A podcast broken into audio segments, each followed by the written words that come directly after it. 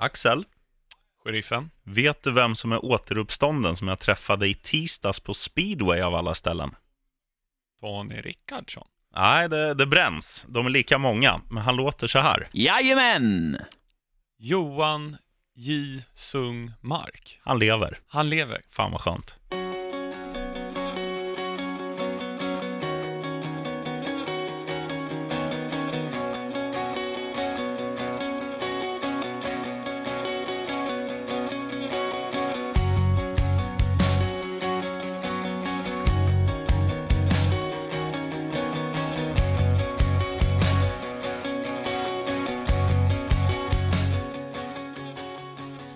Sitter vi här igen, Sheriffen. En ny vecka, fortfarande inget PL, Nej. inga matcher att prata om. Vad... Varför är vi ens här? Det enda man känner, eller det jag, jo vi är ju här för att surra om lite utmärkelser och lite det som komma skall. Men Ja. framförallt får man ju säga det att även om det inte är någon fotboll eh, som spelas nu i skrivande stund i Premier League, så är ju min armsvett på daglig basis som om jag spelade tre matcher om dagen. För nu, Varför då? Ja, men det är ju en grej på lördag som stavas eh, ja, matchernas match. Två miljarders matchen kallas den ju. Ja, och det är inte Liverpool mot Real Nej, vi pratar om. Då det vinner man ju bara ära och en liten pokal, men går man upp i Premier League som, eh, alltså det är ju Championship-finalen mellan Fulham och Aston Villa klockan sex på lördag. Eh, London mot Birmingham. ja, alltså jag är så skitnödig inför det här så att det är, det är knappt man kan sova om nätterna. Ja, det är så. Mhm. John Terry mot Mitrovic. Finns det några andra liksom, matcher i matchen? Där. Ja, det är väl mittfältskampen då. Jedinak, australiensaren, är ju med i, eh, i Australien, höll jag på att säga, i Aston Villa. Ja. som ska möta eh, kanske, kanske den bästa spelaren skulle jag säga i The Championship, Tom Kearney. När han Mm. har en bra dag så är han svårstoppad.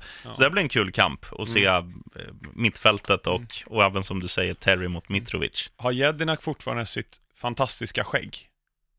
Jag minns, han var ju Palace ett tag. Ja, han, han är ju inte slätrakad, Nej. men han, han har väl ansatt det lite mer än Ja. när han var som värst. Ja, det var riktigt coolt hans skägg. Mm. eh, Back in the day. Busket.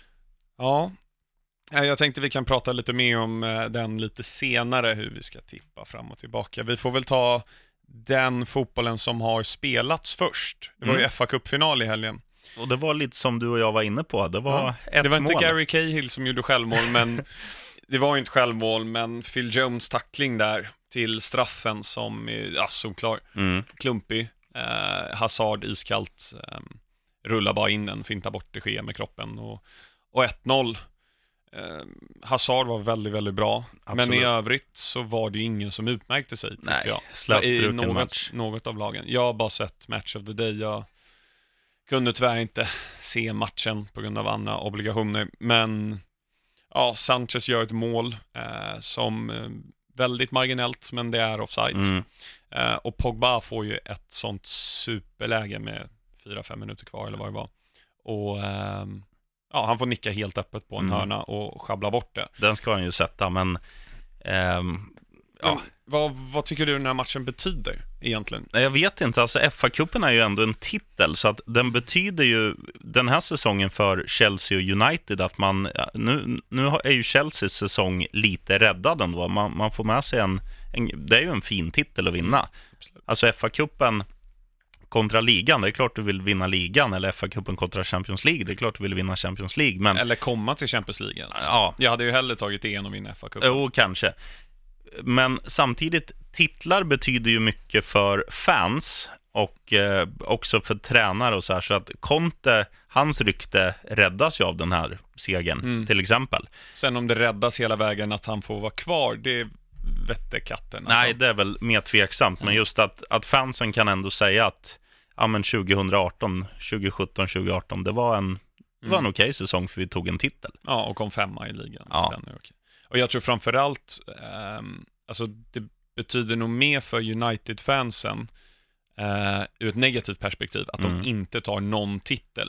Spela tråkig fotboll, kommer tvåa i ligan, men det är så här best of the rest lite grann. Ja. De var ju bakom City som alla var med hästlängder, än att Chelsea tar en titel. Mm. Jag tror att United-fansen är mer eh, liksom bekymrade eh, och, och liksom besvikna än vad Chelsea är glada. Jag är så här, rätt nice. Vi tog en titel, skönt att, att piska på Mourinho och vinna. Liksom att vi vann matchen snarare än Mm. att vi tar själva titeln, tycker jag.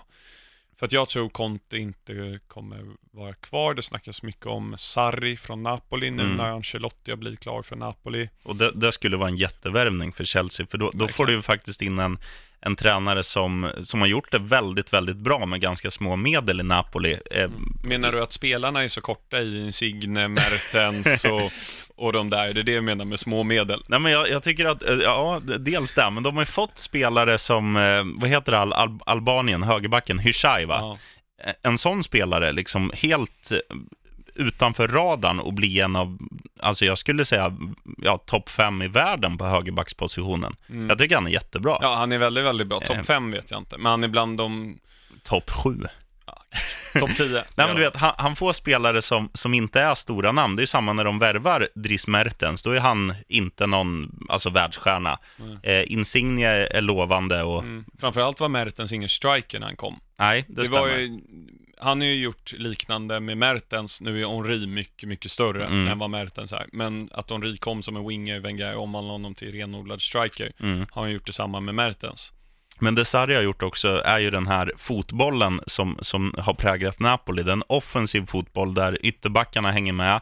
Eh, många av mittfältarna eh, hänger med i anfallen. Om man tittar på, eh, ja, vad heter han med sköna tuppkammen? Marek Hamsik. Marek Hamsik, ja.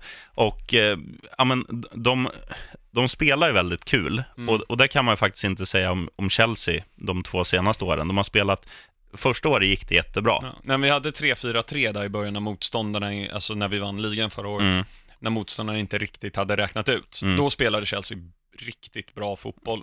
Men nu har ju Conte övergått till mer än 3-5-2 som är hans prefererade uppställning. Ja. Och där är ju inte lika underhållande. Det bygger ju på kontring på, ja, enbart egentligen åt liksom organiserat försvar. Mm. Men jag tror där att ehm, i, ehm, nu blir det lite silly här, men om Sarri kommer eh, och han har lyckats förvandla Mertens till en toppstriker egentligen Mm. i Serie A och i världen. Det snackas mycket om att Martial, han, han kommer dra från United Ja. och det snackas mycket om Chelsea för Martial. Okej. Och att ha en sån, liksom, eh, vad ska man säga, eh, volatil, mångsidig, Mm. det. Eh, anfallare eller forwardspelare som Martial som vill spela centralt. Mm. Där tror jag Sarri kan vara rätt person, för det är inte Mourinho. Nej, definitivt Eh, och det är inte. egentligen inte Conte heller. Så att där tror jag, om vi får in Martial som har så mycket talang i sig, eh, för rätt pris såklart, Mm. eh, så tror jag det kan bli väldigt, väldigt bra. För då kan vi fortfarande ha eh, Martial, eh, Hazard och William skeppa Pedro. Ja. Eh, och, och så har vi kvar Morata och Giroud, säljer Batshuayi, så har vi lite alternativ att, men vill vi ha liksom en speedad eh, fronttrea, Mm. eller vill vi ha en, en Giroud som är där och nickar in inläggen och liksom, så har vi lite, vi kan, ehm, ja, man kan laborera beroende Precis. på vad man möter för laborera. motstånd. exakt. Men det, det är ju grejen också med, med sådana här, du nämner både Hazard och du nämner William som är Mm. två, alltså det är väl två, eller Chelseas två absolut bästa spelare och också viktigaste spelare. mm, Kanté. tror, eh, ja, men jag tror att eh, Kanté, han gör ju sitt jobb ändå i det tysta. Men Mm. får du in Sarri, jag tror du får ut ännu mer kreativitet som Mm. finns i båda de här spelarna och också att de, att de kommer göra mm, mycket fler mål för att de kommer få, nu har ju de skapligt fria tyglar i dagsläge Mm. också, men jag, jag tror att det kommer bli lite hela havet stormar där uppe, förutom om Giroud spelar, för han, Mm. han, är ju, han ska ju inte ut på en kant och slå ett inlägg, utan han ska bara vara inne i boxen Nej. eller vara target. Mm. Men i övrigt kommer Chelsea bli ett mer rörligt lag, ett mer underhållande lag Mm. och ett lag som jag tror kommer göra mycket fler mål. Mm. En farhåga är ju att Sarri är ju inte känd för att köra trebackslinje, han är ju känd för att ha en fy- 4-3-3 egentligen med ett Mm. starkt centralt mittfält och spela tre mittfältare, det kan Chelsea. Mm. Det är inga konstigheter. Ehm, där har vi ju liksom Bakayoko får en försäsong nu, varken han eller Morata är uttagna i VM, Nej. så de kommer få en hel försäsong, de kommer få vila ut sig och, och liksom förhoppningsvis blir det klart nu om det blir Sarri, Mm. eh, att då Chelsea kan, ehm, ja men det blir like a new signing som Arsene Wenger ofta sa. Ja. Så att, ja vi får se helt enkelt. Men apropå Wenger, ersättaren har ju bekräftats nu. Mhm. Unai Emery. Cup, eh, får man Mm. väl säga, vann väl eh, Europa League tre år på raken med Sevilla. Precis. Ehm, vad, vad tycker du om den eh, anställningen? Jag tycker den är jättebra. Det är väl en av de här tränarna som, som känns redo för uppgiften. För han, har, han kom ju fram som ganska ung i, eh, om det var Valencia han tog först. Eller han kanske var i någon skitlag innan, men han, Ja. tog, han tog ju Valencia. Det gick ganska bra där. Han stack till Sevilla. Där får man ju säga att det verkligen blev jackpot. Alltså, de har inte vunnit någon li- ligatitel, men de har tagit sig till Europaspel år efter år. De har vunnit Europa League år efter år. Och visst, det är inte de allra bästa lagen med, men du ska ändå möta eh, femman, sexan från England. Du ska möta fyran från Tyskland. Och, och det är ju, alltså, det är ju inte bara att skratta hem en sån där turnering. Och det visar ju dels att han är en väldigt skicklig matchcoach, för att det det handlar om i sådana här möten, det är ju att antingen stänga på bortaplan, ösa på hemmaplan så att du, du går vidare. Och då visar du också att, eh, du nämnde ordet versatile, eller versatile förut, eh, allsidig allround på någon spelare. Det får man ju säga att Unai Emery är också, för att även om Sevilla är ett i grunden ganska offensivt lag, så har man ju sett under de här cuptriumferna han har tagit att de kan vinna matcher på olika sätt. Och jag tror att det är lite där Arsenal kan behöva, för att Arsenal är, eller har varit under Wengers ledning, ett lag som, alltså de vill ju äga boll, de vill föra matcher och det gör de hemma mot West Bromwich, de gör det hemma mot Watford. Men kommer du till Stamford Bridge och möter Chelsea, då ska du inte vara det laget som för matchen, utan då måste du kunna lägga dig på försvar och kanske lita på att Aubameyang kontrar in en balja. Mm. Och där tror jag att Unai Emery, Unai Emery är mer rätt man än Arsène Wenger. Ja, ehm, jag håller med dig delvis.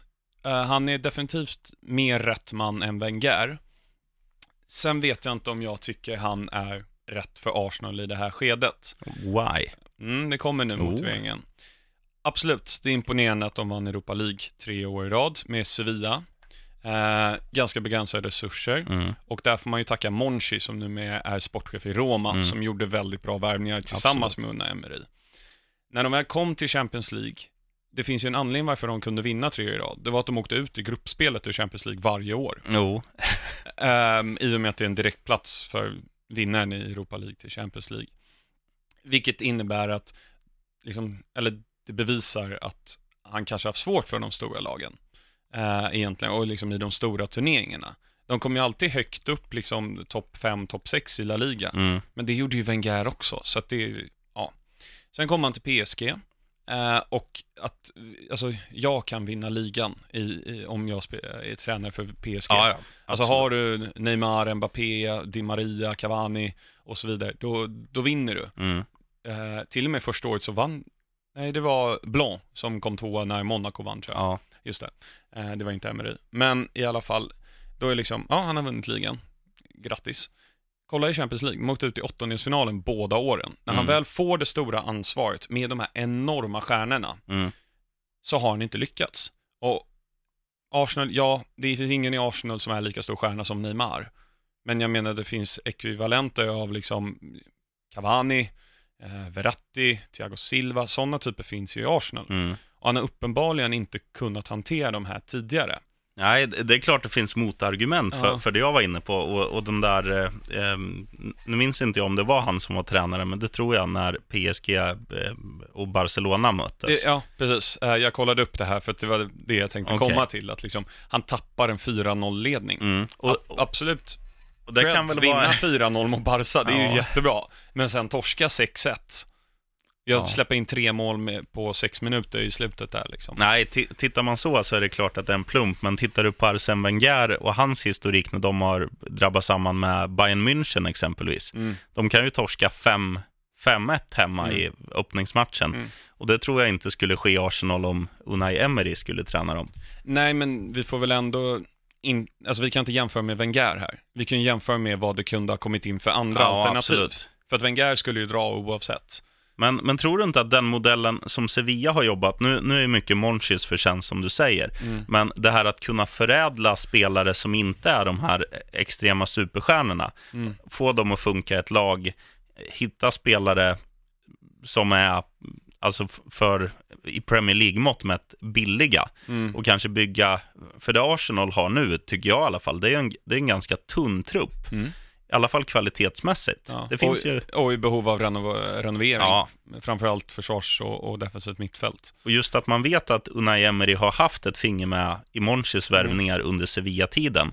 Det tycker jag vittnar om att Arsenals framtid ändå ser ganska ljus ut, eh, rent alltså Mm. värvningsmässigt. För att eh, om man tittar på, tittar på Sevilla, eh, hur många av de spelarna hade tagit plats i Arsenal? Ett par, tre stycken kanske. Banega. Banega är given, han är bäst i världen. Ja. Men eh, bortsett från det så tycker jag ju att eh, Arsenal har ju bättre forwards. Eh, Özil är ju bättre än Sevillas eh, spelfördelare och, och, och mittbackarna, ja, nu är ju inte Arsenals mittbackar, Mustafi framförallt kanske är lite svajig, Ja, men men de är bättre än Simon Kjær. ja. Så att tittar man på vad han har gjort där och att han kommer till ett lag som i grunden redan har bättre kvalitet. Mm. Du har en sommar att värva in lite spelare. De, dels har ju han kommit från en annan liga. Han har ju varit både i Frankrike, han har varit i Spanien. Du kan ju hitta guldkorn där. Du kan sno någon mittfältare från Rayo Vallecano och högerback från Villarreal som kanske funkar skitbra i Arsenal. Mm. Ja, det är, alltså det är klart, det är därför vi har den här diskussionen. Det finns ju för och, och emot argument Mm. kring allt detta. Jag hade gärna velat se att, för att du får ju inte det tålamodet i Arsenal som du får i Sevilla. Nej. Av fans och, och klubbledning och så vidare. Jag tror att han kommer aldrig bli sparkad under säsongen. Nej. Han får minst en säsong. Men jag tror att det kan bli väldigt ehm, svårt eh, tidsmässigt att kunna utveckla de här talangerna. För att Arsenal kommer vilja ha resultat direkt. Mm. Och Arsenal är ju kända för att förlora första matchen Ja. för, för säsongen. 0-2 mot West Ham eller 1-3 mot Aston Villa eller något sånt där. Mm. Eh, det är ofta så de gör och då jag hade tyckt det var bättre att en Ancelotti eller om Conte nu går från Chelsea, en sån person som vinner Mm. hade gått in, stabiliserat skeppet lite, fått upp lite förtroende och haft det är ju lite romantiskt tänkt, men liksom en Vieira, Arteta eller till och med Henri Mm. som assisterande. Det snackades ju väldigt mycket om Arteta, att Ja. det skulle bli han som blev huvudtränare. Och det tycker jag är bra, Mm. att de inte tar Arteta direkt, för att där kan det bli liksom, ja, det kan bli succé och det kan bli total kollaps. Det kan bli David Moyes. Precis, exakt så hade det kunnat bli.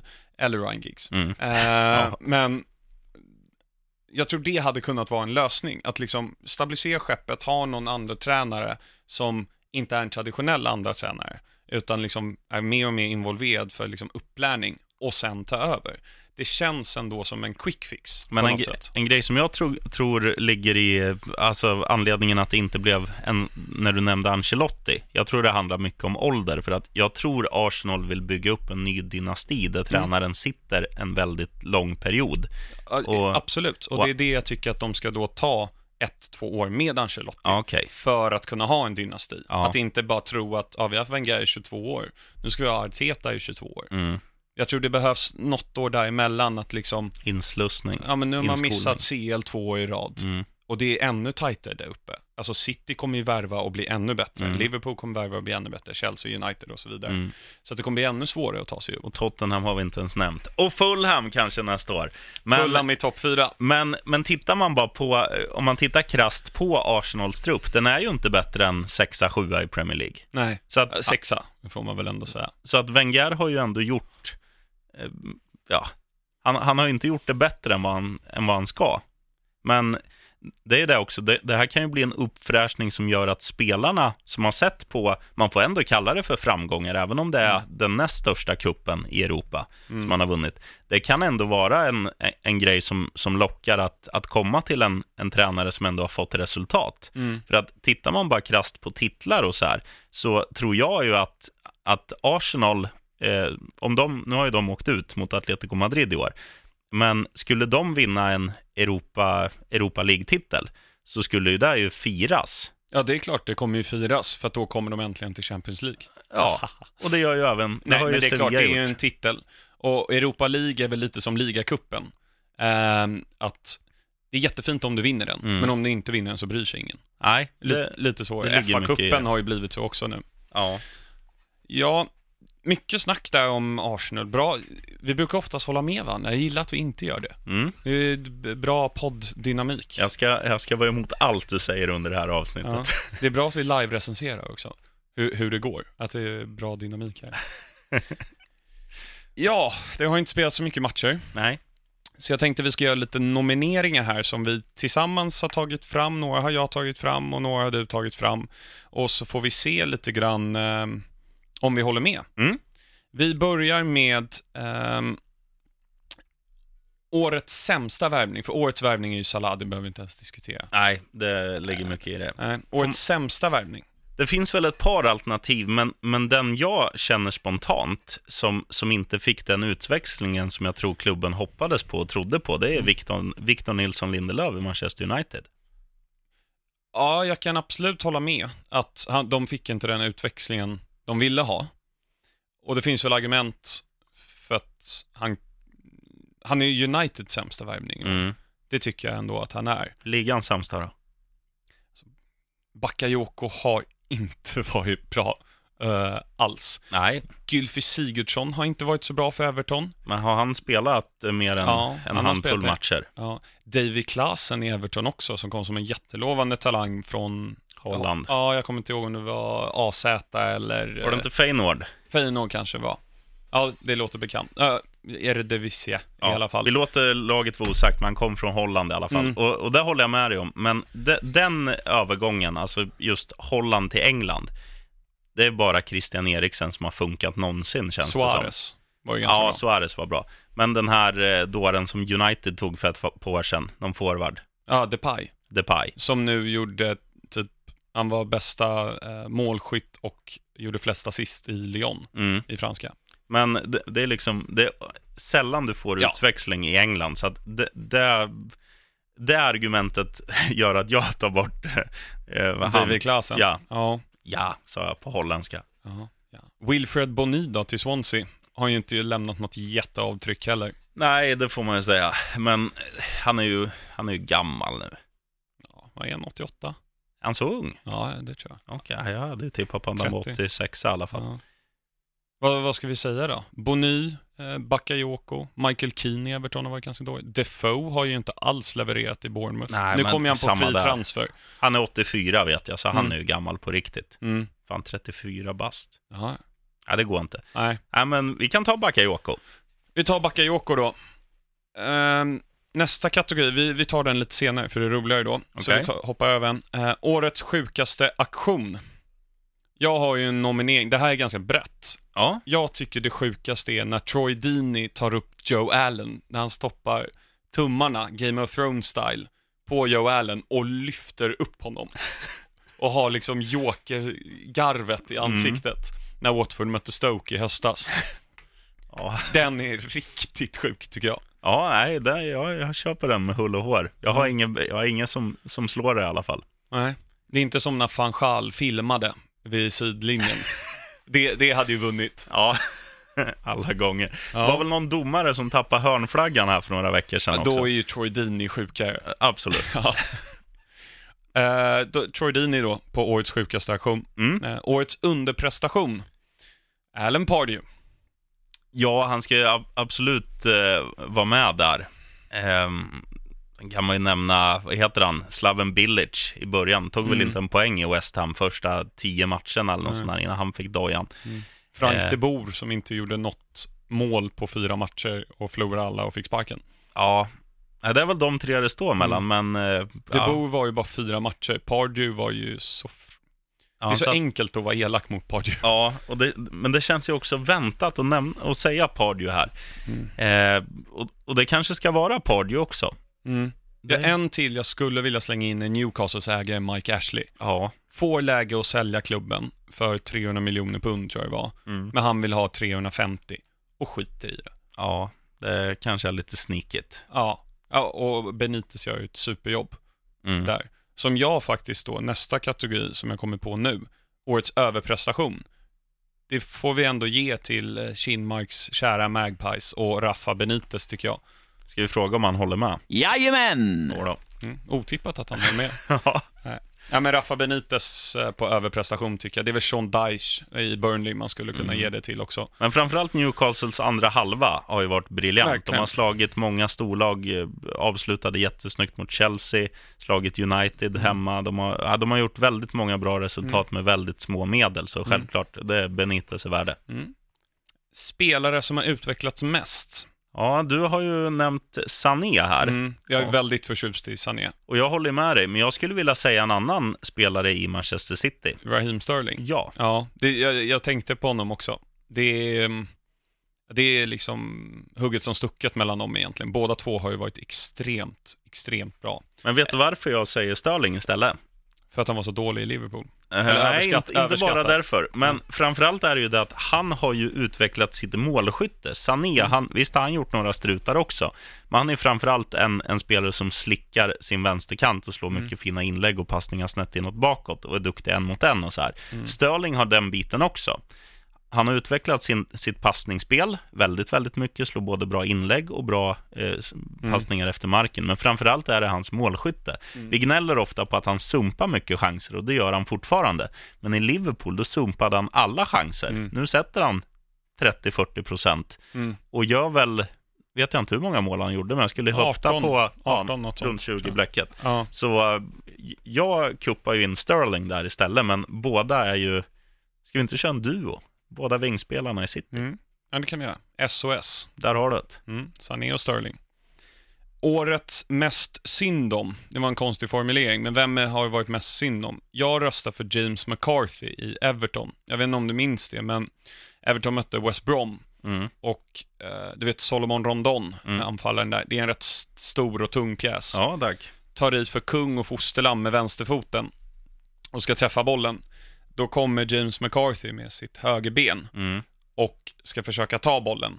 Och så är det platt i marken medan Rondon med full kraft svingar och James McCarthy bryter benet. Mm. Det är, jag tycker det är extremt synd om honom. Absolut. Och i viss mån, jag vill ta upp De Boer igen, som aldrig fick chansen. Nej, men vad fan, gör du inte mål på 180-320 minuter så... Eller 360 minuter blir det till och med. Då, Mm. det är för dåligt. Ja. Nej, Och det då får är väl bli James McCarthy. Annars tänker jag någon annan sån här riktig, Nej, inte så. Jag kom, sitter och tänker på så här bruten näsa och, och Ja. sådana där grejer, men jag kan inte komma Det- på något. Det finns ju eh, Riedwald som eh, värvades in som defensiv mittfältare till Palace, också från eh, holländska ligan tror jag. Mm. eh, som Frank de Boer tjatade och tjatade på, bara kom till Palace, det här kommer bli skitbra. Mm. Jag tror han har spelat 90 minuter totalt under hela säsongen. Ja. Det är inte jättekul. Men han har ändå lönechecken och får träna. Det är McCarthy genomgår ju något värre, så Ja. vi säger väl James McCarthy då. Ja. Mm. Årets match. Jag har några kandidater här. Låt höra. Arsenal-Man United på Emirates, när United vann 3-1 och de Gea gjorde 14 räddningar eller något sånt. Det var en riktigt, Ja, det var, han satte till och med Premier League-rekord va, i Mm. antal räddningar. Den andra är Team Krull, som de ligger på delad första plats. Oh, När eh, Newcastle vann med 1-0 på White Hart Lane. okej, okej. Mm. Ehm, sen är det Liverpool City, när City vann 4-3. Mm. Ehm, och sen ehm, Spurs Leicester på eh, sista dagen.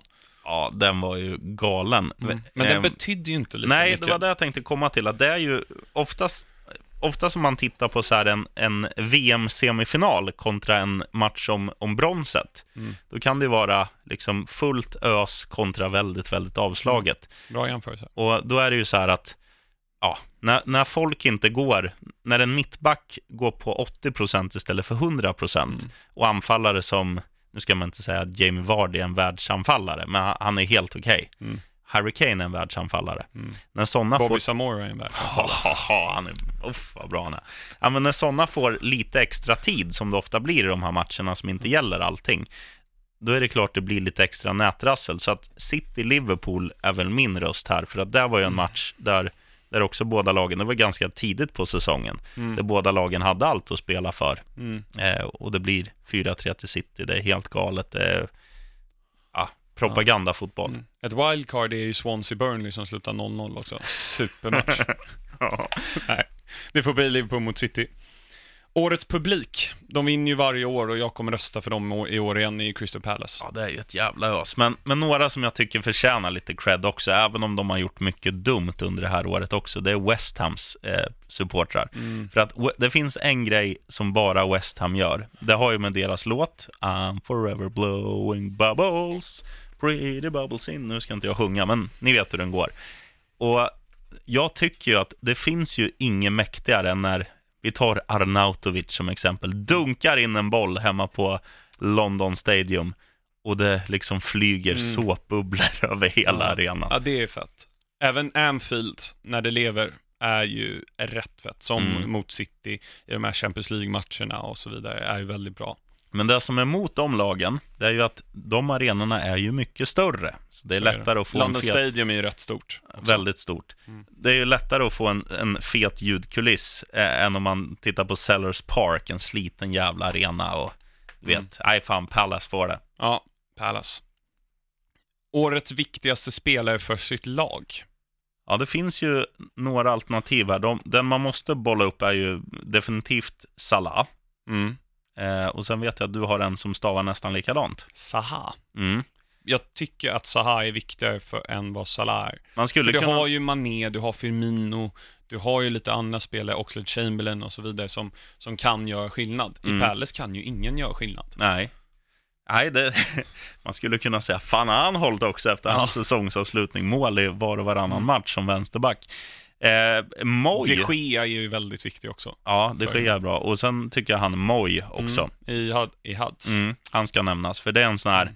väldigt begränsad mittfältare, men som ändå får det där laget att hänga kvar i Premier Mm. League. Utan honom tror jag inte de hade gjort det.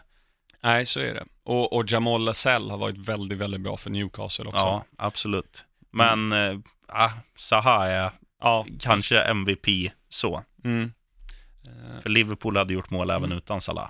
Nu ska vi ta vår sista, os- eller vår sista seriösa eh, Mhm. kategori. Årets mål. Eh, Charlie Daniels i Bournemouth satte ju en riktig slägga i början av säsongen mot City. Ja, Eh, halvvolley ribba in. Sen har vi Antonio Valencia, satte en, eh, en eh, häxpipa. häxpipa i ösregnet på Old Trafford mot Everton. Mm. Eh, sen, jag är lite partisk här, men Chelseas mål mot Brighton när de bara klackar och klackar och klackar och klackar och till slut så skjuter William. Ja, Eh, det är de tre. Eh, jag är ju svag för ribba in. Jag Alltså med. Charlie Daniels. och just alltså kanonskott, halvvolley. Jag tycker det där målet har allt. Ja, ja, jag håller med. Charlie Daniels. Mm. Och du som inte har sett det, it's a googling away. Kör bara. Till de oseriösa kategorierna. Ja, de här älskar vi. Ja, årets sämsta pass. Och det här har jag bara, jag har redan en. Eh, och det är Renato Sanchez när han spelar på Stamford Bridge eh, i Swansea då. Ja, Eh, när reklamskylten är samma färg som Swanseas bortatröjor. Så han passar bara ut ur reklamskylten. ja det, det får fan vinna. Annars Men- är ju Stefan Ishizak ett alternativ från allsvenskan nu när han skulle passa hem till målvakten. Jag kollar inte allsvenskan. Nej, det gör du rätt i, för Ja. det är bara skit. Ja. Årets frisyr. Ja. här får du presentera. Nej, men det, det är klart det blir en Pallas-spelare igen. Fan vad vi hyllar Pallas i det här Mm. avsnittet. Det finns ju en man som kom med ett helt nytt självförtroende till den här säsongen. Mm. Tack vare att han hade skaffat en ny frisyr. Han hade varit hos hårdoktorn och fyllt sina vikar. Vi snackar om Andrews Townsend.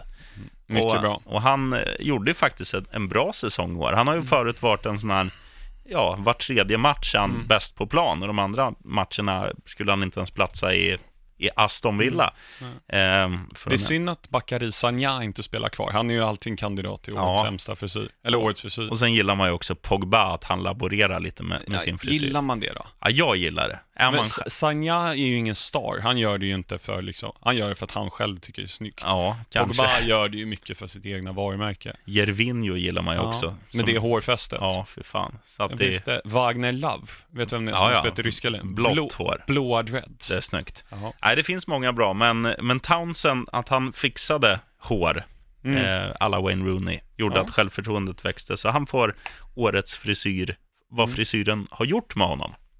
Låter bra. Sen har vi några här där jag inte har tagit fram alternativ. Mm. Årets frysbox. Ja, ehm, alltså då, då menar du så här, spelare som, som har blivit värvade men aldrig riktigt fått Mm. chansen, eller stjärnor som har blivit liksom bänkade. Mm. Hmm. Ja, men Giroud innan han kom till Chelsea, tycker Mm. jag är... Han var ju väldigt frysboxig. Mm. Eh, jag tycker Harry Winks i Spurs var ju väldigt bra under eh, tiden, eh, typ oktober-november. Mm. Och sen har han inte spelat. Nej, Eh, sen är han ju väldigt ung, det, det är svårt liksom där. Sen fråga på, på tal om Tottenham, eh, Toby Alderweireld. Han har ju varit skadad väldigt mycket, men Mm. ja, eh, när han kom ju aldrig tillbaka. Han, han var ju klassad som en av de bästa mittbackarna i världen. Han är ju, alltså, det är han fortfarande. United eh, vill ju köpa honom Ja. och Spurs vill ha 75 miljoner pund. Men sen är det svårt, när de har funkat så bra för Tången och vad heter andra, Sanchez va? Mm. Så, eh, så är det klart att han, det är svårt att ta sig tillbaka. Men Mm. med det här ryktet så, så får man ändå ge en liten frysbox-stämpel på den, den gode Toby. Ska vi ta Toby då? Det tycker jag. Jaha, Toby Alderweireld. Talang som inte fått speltid. Renato Sanchez. Ja, vad har hänt med den människan? fattar, han var ju bäst i, eller bästa ungdomsspelaren, eller vad man ska säga, i EM. Mm. Köptes av Bayern redan innan EM och var Mm. hur bra som helst. Sen bara, nej. Jag vet inte ens vad, alltså hur man kan tappa så mycket. Jag Det är, klart att, det är klart att mycket sitter i ett självförtroende, men du måste ändå ha en grundtalang som du, Ja, som du nej, borde jag ha vart du än helt, spelar. Helt sinnessjukt. Och han är ju inte, jag vet inte vad han kan vara född, men han, han må ju vara 21, 22. Ja, han är 97 Ja, sägs det. sägs det. Mm. Då är man 21 i år alltså. Ja. Ja, vad fan hände med Renato Sanchez? Jag skulle vilja kuppa in en spelare också här. Eh, fast han kanske inte räknas som ung talang, men han är inte gammal. Eh, Mm. Martial tycker jag också. Vi, Mm. vi nämnde han tidigare, att han har spelat på fel position. Han vill spela centralt. Han eller Rashford får spela till vänster. Mm. Men eh, jag tycker också liksom hans utveckling sen han kom till United som en väldigt håsad stjärna Det har stagnerat, ja. för alltså en halv miljard. Han är ingenting. Nej. Nej, jag kan hålla med.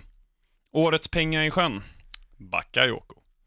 Ja, vad kostar Bakayoko? 42 miljoner pund. Ja, det var en vaskning. Ja. Han får den. ja Men Li- Bakayoko. Lindelöf ska, vara, ska vara där och... Det är, det är ju frågan, alltså det är svårt att döma ut dem efter en säsong. Mm, Det kan ju bli så att Bakayoko är, får självförtroende och liksom är, blir helt skadefri, han har haft lite småskador och så vidare. Och är liksom Premier Leagues bästa mittfältare nästa år, det vet man ju inte. nej. Ehm, Sen finns det ju andra spelare också som, fast det här är ju li, lite retroaktivt och de har ju spelat ett år, ett år till, men de har, Arsenal har inte fått valuta för varken Mustafi eller Xhaka. Nej, det har de definitivt inte. Sista kategorin här, och den Mm. bästa kategorin. Årets Och- Fulham. Året Kinmark. Ja! Man signar upp sig på att köra en, eh, att liksom spela en hel eh, säsong. Mm, ett fett kontrakt han kritar på. Ja, eh, miljoner i bonusar liksom och allting som vi tjänar här på PL-podden. Mhm. Och så drar man bara. Ja, det är helt galet. Vad Ja. håller han på med, människan? Nej, J. Sungmark, alltså det är sanslöst. Vill du veta vad han gör nu? Ja, kör. Jag sa det inte i podden, jag sa det till dig off air, men jag tänkte Ja. ni som lyssnar. J. Kinmark ska bli speedway-referent på P4 Sörmland. Ja, det är livet. I den första kurvan, röd förare, i den andra blå. Ja, det Ja. kommer att bli succé. Ja, Jag, kan, jag kom, kommer gilla att han kommer få uttala alla de här namnen. Vikingarna, Rospiggarna. Indianerna! ja, året Kinmark då? Har vi några alternativ? Vem, vem drog i januarifönstret? Oh, nu satte du mig på pottkanten. Van Dijk. Ja, jävlar ja. Ja. Men Som, han, som i, ja men han signade på Southampton och, ja, han var ju liksom, han var ju där innan. mm, Men det var ingen som bara gjorde en halv säsong. Så det är ju svårt att hitta där, men van Dijk är en kandidat. ja, och han är ju lite Kinmark-kompatibel också, långt hår. Och, Mm. Ja, van Dijk. Eh, Alltså credit för Kinmark om vi jämför med van Dijk. ja. Men, ja, men vi, vi kör på fan Kinmark Dijk. ja. Van Kindijk. Fan Kindijk, där Ja. har du det. Fan, ett tacksamt namn att göra lite liksom, ordlekar med. Ja, det är världsklass. Ja. Ehm, nu är det dags för Vad hände sen? Ja. Jag. Det här är en som ligger mig varmt om hjärtat. Jag gissar. Ja. Är det Sola? Tore Andre Flo. Oh, oh, oh, oh. Flonaldo. Ronaldo. Ja. Gammal Chelsea-legendar, eh, får jag väl ändå säga, under de tre, fyra åren. Mm. Ehm, det var under tiden som Chelsea hade Autoglass som sponsor. Och varför jag nämner det är för att jag hade en tröja där det stod Flo på ryggen. Ja, snyggt. Var det, med han, Autoglass. var det när han hade nummer nio? 19 tror jag han hade 19? först. Ja, han fick ju 9 sen. Ja. Men jag tror han hade 19, den jag har. Jag vet inte Okej. om jag har kvar den. ja, men det är respect Mm. att ha liksom det numret man kommer in med, om man Ja. säger. Mm, jag trodde på floden när jag var sju år gammal. Ja, det är vackert. Djup insikt i Premier League på den tiden. Hur, eh, f- frågar Kolon bara, Flo, Mm. eh, hur många år sedan är det han, det kommer du komma till vet jag, men det känns ändå som att jag skulle tippa på att man inte har hört något om han på 15 år. Ja, han, eh, vi kommer till det. Mm, Mm. Härligt. Han är född 1973, så In- gammal i gänget här. I Norge. I Norge. Eh, 23 mål på 76 eh, kamper. Komper, det är För- en kämpegrej det. Gud, det här var ju riktigt låg nivå. På tal om Norge bara. Ja. Drillo. Vilken jävla hjälte. Nu är jag helt ute och cyklar. Egil Drillo Olsen, förbundskaptenen, Norge. Ja, okej. Med stövlar, för han hade psoriasis tror jag. Det är väl Lagerbäck som är det nu? Ja, det är det. Ja. Han är ingen hjälte. Nej. Han var bra i Island. 23 mål på 76 landskamper alltså för Norge, för Mm. André Flo. Börjar i Norge i Son Sonjdal, sen vidare till Tromsö, Brann och sen köpte Chelsea honom 1997. 50 mål på 163 matcher. Okej. Ja, Var tredje abso- match. absolut för att vara en... eh, Och då var inte Chelsea så som de är idag. Nej, precis. Och det, Mm. och det här är ju, det får man ju se som ett fynd nästan att ta en, en spelare som gör så pass mycket Mm. mål. För att det är ju inga, när du, när du värvar en spelare från Norge, vi Mm. snackar ju inte miljoner pund liksom. Nej, nej verkligen inte. Ehm, Så det gjorde han väldigt bra. Var där till 2000 innan drog till Rangers. 40 mål på 72 matcher i skotska ligan. Ehm, Men det kan du och jag också göra, 40 Ja, mål på ja, 72 ja, ja. matcher i skotska ligan. Ehm, 2002 gick han till superklubben Sunderland, Oh, vilket jag faktiskt inte visste innan jag ja, kollade upp jag det. minns inte det här heller. Nej. Så var han där ett år innan han drog till Siena i Serie B, tror jag hon var då Mm. eh, i två år. Sen Vålerenga i Norge i ett år. Tillbaka till Leeds. Det är tungt. Gjorde han en säsong. Fyra mål på 23 matcher. Vad var det för säsong då? 2007 till 2008. Ja, det är så pass nyligen ändå. Ja. Sen 2008 till 2009 var han i MK Dons. Det är tungt. Ja. Det är ju det är ett av de mest äkta lagen som existerar. Det är fan Ja. rock'n'roll. De blev, ju, de blev väl Wimbledon och sen startade de om igen MK Dons i väldigt låg division. Eller ute och cyklar nu. Det är tvärtom. Tvärtom är det. Mm. Tvärtom är Så att eh, Aldrig tur. MK Dons är det laget man eh, pissar lite på. Wimbledon det fina anrika med Vinnie Jones och Dennis Wise och de gubbarna. Ah, okej, okej. Eh, och så var han där då till 2009, noll mål på 13 matcher.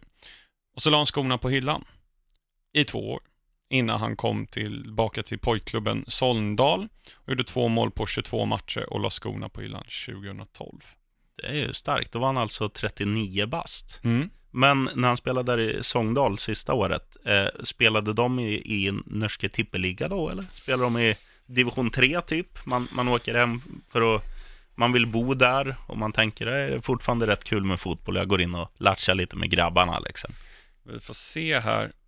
Ehm,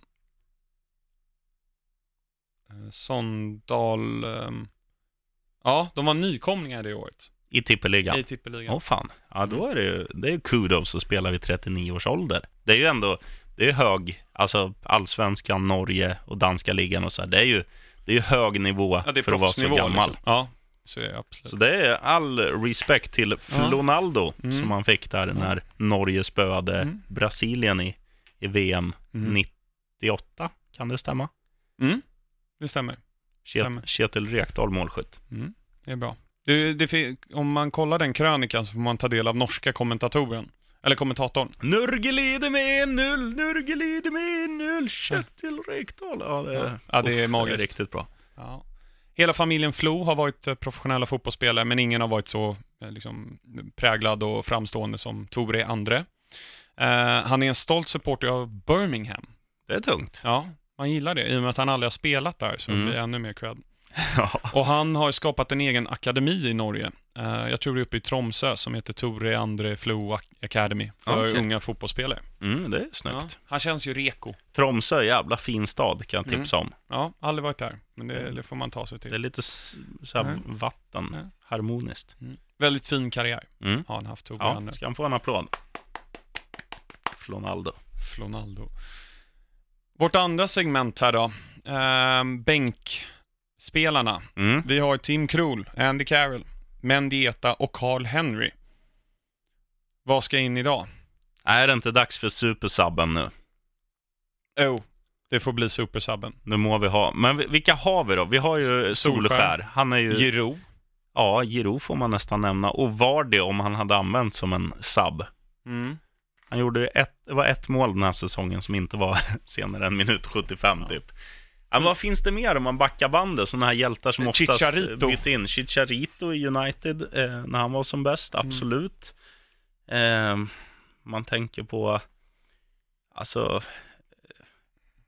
ja, vad svårt det är att ta massa sådana här namn på volley. Mm. Men jag, jag skulle vilja ba, bara så han får ännu ett omnämnande. Den Peter gode, Crouch. den gode Zoltan Gera Ja, Zoltan Gera. fungerade som, fungerade både som vänstervinge och som, som släpande striker. I, när han var som bäst i Fulham, denna vackra ungrare. Men eh, alltså, jag tror vi kommer få arga mejl om vi inte tar Solskär, för han har ju Mm. fått sitt namn av en anledning. Mm. Ole Gunnar. Mm. Mm. Han är med får bli laget. Solskär. Så då har vi en bänk med Tim Krul, Andy Carroll, ehm, vad hette han Mendieta i förnamn? Gaiska, Gaiska, Mendieta och Carl Henry och Ole Gunnar Solskär. vilket jävla lag alltså. Ja. Nästan som man vill starta alla. Ja, är synd man bara Ja. har tre byten. Precis. Nu är det ju CL-final Mm. på lördag och playoff-final på lördag. Mm. Vill du höra upplägget jag har med Ja. polarna? Mm. Vi ska ses eh, runt tre snåret, eh, halv fyra. Ska ut och kasta lite boll, dricka lite bira. Sen blir det fulla med Aston Villa vid kvart över sex tror jag det är avspark. Eh, och sen så då Champions League-finalen efter det. Ja, Och med mig har jag en Liverpool-supporter och en Real-supporter och sen är vi andra neutrala. Det Nej, kan ni- bli intensivt. ni håller på Fulham. Inte i Champions League-finalen. Ska jag berätta vad jag ska göra? Ja, Jag ska få lön imorgon. Jag okej. ska åka till bolaget och sen ska jag köpa mig en fin whisky. Sen är min tjej och jobbar på Solvalla, för det är ju eh, Hel- på lördag eller? ja, både fredag, lördag, söndag. Hon är inte där dygnet runt, men hon, hon kommer ju vara där. Mm. Så då kommer Vad jag... synd. Alltså, för då måste ju du se matchen. Fulla Aston Villa. Det är ju jättesynd att hon inte var hemma, tänker jag. Ja, Nej, men du vet, då, då läskar man lite när hon är borta, bara för att lugna sina nerver. Och sen, sen ska mata hunden, natta honom och sen låsa in han så att jag kan sitta där och tjoa och kimma och skrika och ta på mig varenda gammal Bobby Samora-tröja och Fulham-strumpor och halsduk och åh, vad jag ska njuta. Det känns som, det finns ju en gammal eh, amerikansk tradition att när en far gifter bort sin dotter så under dagen så ska en hel spritflaska av whisky konsumeras. Mm. Är Fulham din dotter på lördag? Definitivt. Ja. Dot, dotter, fru och älskarinna. Låter som en kanonidé. Mhm. Vågar du tippa med Aston Villa? Ja, det vågar jag. För jag, jag har aldrig känt mig så säker på att det kommer gå vägen för, för detta lag. Mm. Varenda gång som, alltså, som, som vi har varit nära, det var som i fjol, då kände man så här, när de gick in i playoffet då, så kände man att nu har vi allt och även om, även om Fulham kom in som sexa då, så var det så här, man borde allt att vinna, men vi har allt att förlora. För att Fulham var ju hypade då, de hade gjort en jättebra eh, vårsäsong, gått som tåget och sen var det liksom ingenting flöt. Nu fick man ju allt emot sig i den första matchen. Man dominerar spelet, men man ligger ändå under när man kommer tillbaka till Craven Cottage för returen med 1-0 efter Cameron Jeromes eh, ganska snygga nickmål, får man ge han. Men då visar man verkligen någonting som har symboliserat den här säsongen. Det, är, det finns ju en anledning till att Fulham under en period radade upp 23 raka eh, matcher utan poängtapp. Eller poängtapp, men utan förlust. Mm. Och det är ju att nu alla spelare vet vart de har varandra. Det är sånt jävla flyt från, alltså från, jag skulle säga, den enda jag tycker är lite knackig, han som blev hjälte, Dennis O'Doy. Ja. Men annars tycker jag alla hittar varandra jättebra på planen. Sen kan det vara lite omständligt så här ibland att det blir lite för mycket stillastående, framförallt på Mitrovic som, som gärna Mm. står och vill ha bollen, alltså som om du och jag tittar på varandra, du har Mm. bollen, jag tittar på dig, istället för att röra sig på fria ytor. Mm. Men just den här grejen att de vet precis eh, vad de ska göra. Nu har ju Jokanovic också gjort så att ja, men alla spelare verkar ha ett sånt jävla självförtroende. De vågar hålla i bollen, de vågar göra en gubbe, de vågar slå en svår passning istället för att bara spela till närmsta. Så att det finns ett annat självförtroende som jag Mm. tror är jävligt viktigt i en sån här match där det handlar om att vinna. Mm. För att du får inte gå in i en sån här match och tänka, nu får vi inte förlora. För då har du redan förlorat. Du måste Mm. tänka, hur gör vi för att luckra upp John Terry och company för att besegra dem? Mm. Och det, det känns som att Fulham för första gången på väldigt länge har det här självförtroendet. Så jag tror att Fulham vinner den här matchen. Jag tror det blir proppen nu. Vi vinner med 4-0. Bam! John Terry släpper inte in fyra mål. Nej, 3-0 då. 3-0. Ehm, Vad tror du? 2-1 Fulham. Mm. Sessen John avgör. Ja, det vore kul. Mm. Eh, Jag måste bara fråga, är Mitrovic lika vårdslös som han var i Newcastle? Nej, han har, eh, jag tror lite. Jukan, Jukanovic har eh, en väldigt bra impact på honom och, och har förklarat lite så här att så, så länge du sköter dig och gör det du ska göra på planen så, Mm. så spelar du. Han känns som en ganska auktoritär eh, Ja. person, Jokanovic. Det är han. Till skillnad från Steve McLaren som Mm. hade hand om Mitrovic i Newcastle. Men sen när Mitrovic kom till Newcastle, jag, jag tror ju hela, liksom, hela Newcastle känns ju lite mer rough. Och jag tror att han gjorde det lite för att få med sig fansen också, att de vill ha en, Ja, det är mycket möjligt. både en målskytt och liksom en Sen kom han ju från. Röda Stjärnan från början tror jag. Mm. Och det är ju ett rätt hetsigt lag Jo, att tack. spela i. CL-finalen då? Ja, den känns mer oviss. Jag tror tre, jag kommer betta på 3-0 Liverpool. Satan i gatan. Ja, det hade varit, det hade varit väldigt kul tycker jag om, om, man, Liverpool om, vinner. om man tittar nu, Tottenham kan ju spela som en light-version av Liverpool. Ja, Och Tottenham körde över eh, Real i gruppspelet med Mm. 3-1. Det fin- Real släpper ju till väldigt mycket ytor. Eh, och där tror jag att Liverpool kommer utnyttja det ännu mer. Jag tror 3-0 Liverpool. ja kanske. Jag- Salah, Firmino och ehm, Andy Robertson gör mål. Ja, det vore kaxigt.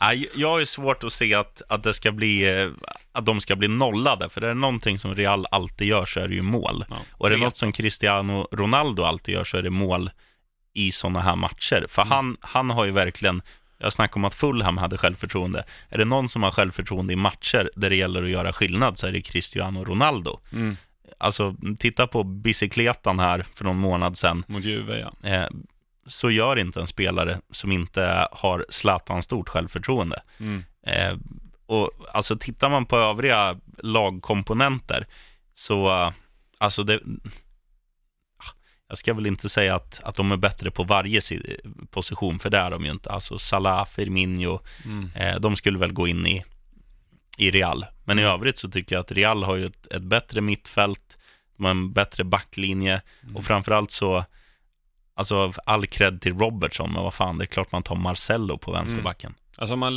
bara radar upp Reals troliga startelva. Navas i mål då. Marcelo, Varan, Ramos, Carvajal, Modric, Kroos, Casemiro, Isco, Ronaldo, Benzema kanske, Ja. eller Bale. Det är rätt bra spel. Ja, det är väl Salah man skulle kunna byta mot, mot antingen Bale eller Isco då. Isco, Mm. Eller Benzema. ja. Mm. Fast det är en annan position, Ja. han spelar striker. Jo, men då men- kan ju Ronaldo ta striker. Ja, absolut. Ja. Det, är, det är väl egentligen den enda som skulle gå in. Sen, Mm. sen k- finns det vissa man skulle kunna föra en argumentation för att, ja men, van Dijk istället för eh, Varann. Mm. Men, eh, Mignolet istället för Navas. nej, men, alltså tittar man bara, men, men sen är det ju, det gäller ju att få, alla matcher ser olika ut, det gäller att få alla att dra åt samma håll, det är Mm. kanske svårare, alltså Real är mer eh, bångstyriga, träskallar, vinnarskallar så, eh, lite egon eh, med Ronaldo i spetsen när han inte har den här eh, bra Mm. dagen. Och sen, eh, ja, Real kommer ju förmodligen ha bollen mest. Och passar det deras... Pass, det passar ju Liverpool bra, Mm. för att då kan de göra det de är bra på. Egen pressing. Så man vet ju inte. Det, Ja. det är ju, Jag tror ja. 3 3-0 Liverpool Ja, faktiskt. jag är lite mer tråkig och säger att Real vinner med 2-1. Spännande helg, om inget annat. Ja. Vilken jävla lördag. Hopp, Eh. Hoppas man inte dricker för mycket whisky Mm. tidigt bara så man slocknar vid halv fem. Sen vaknar man på söndag. Fan, vad var det som hände? Aston Villa vann Champions League. Ja.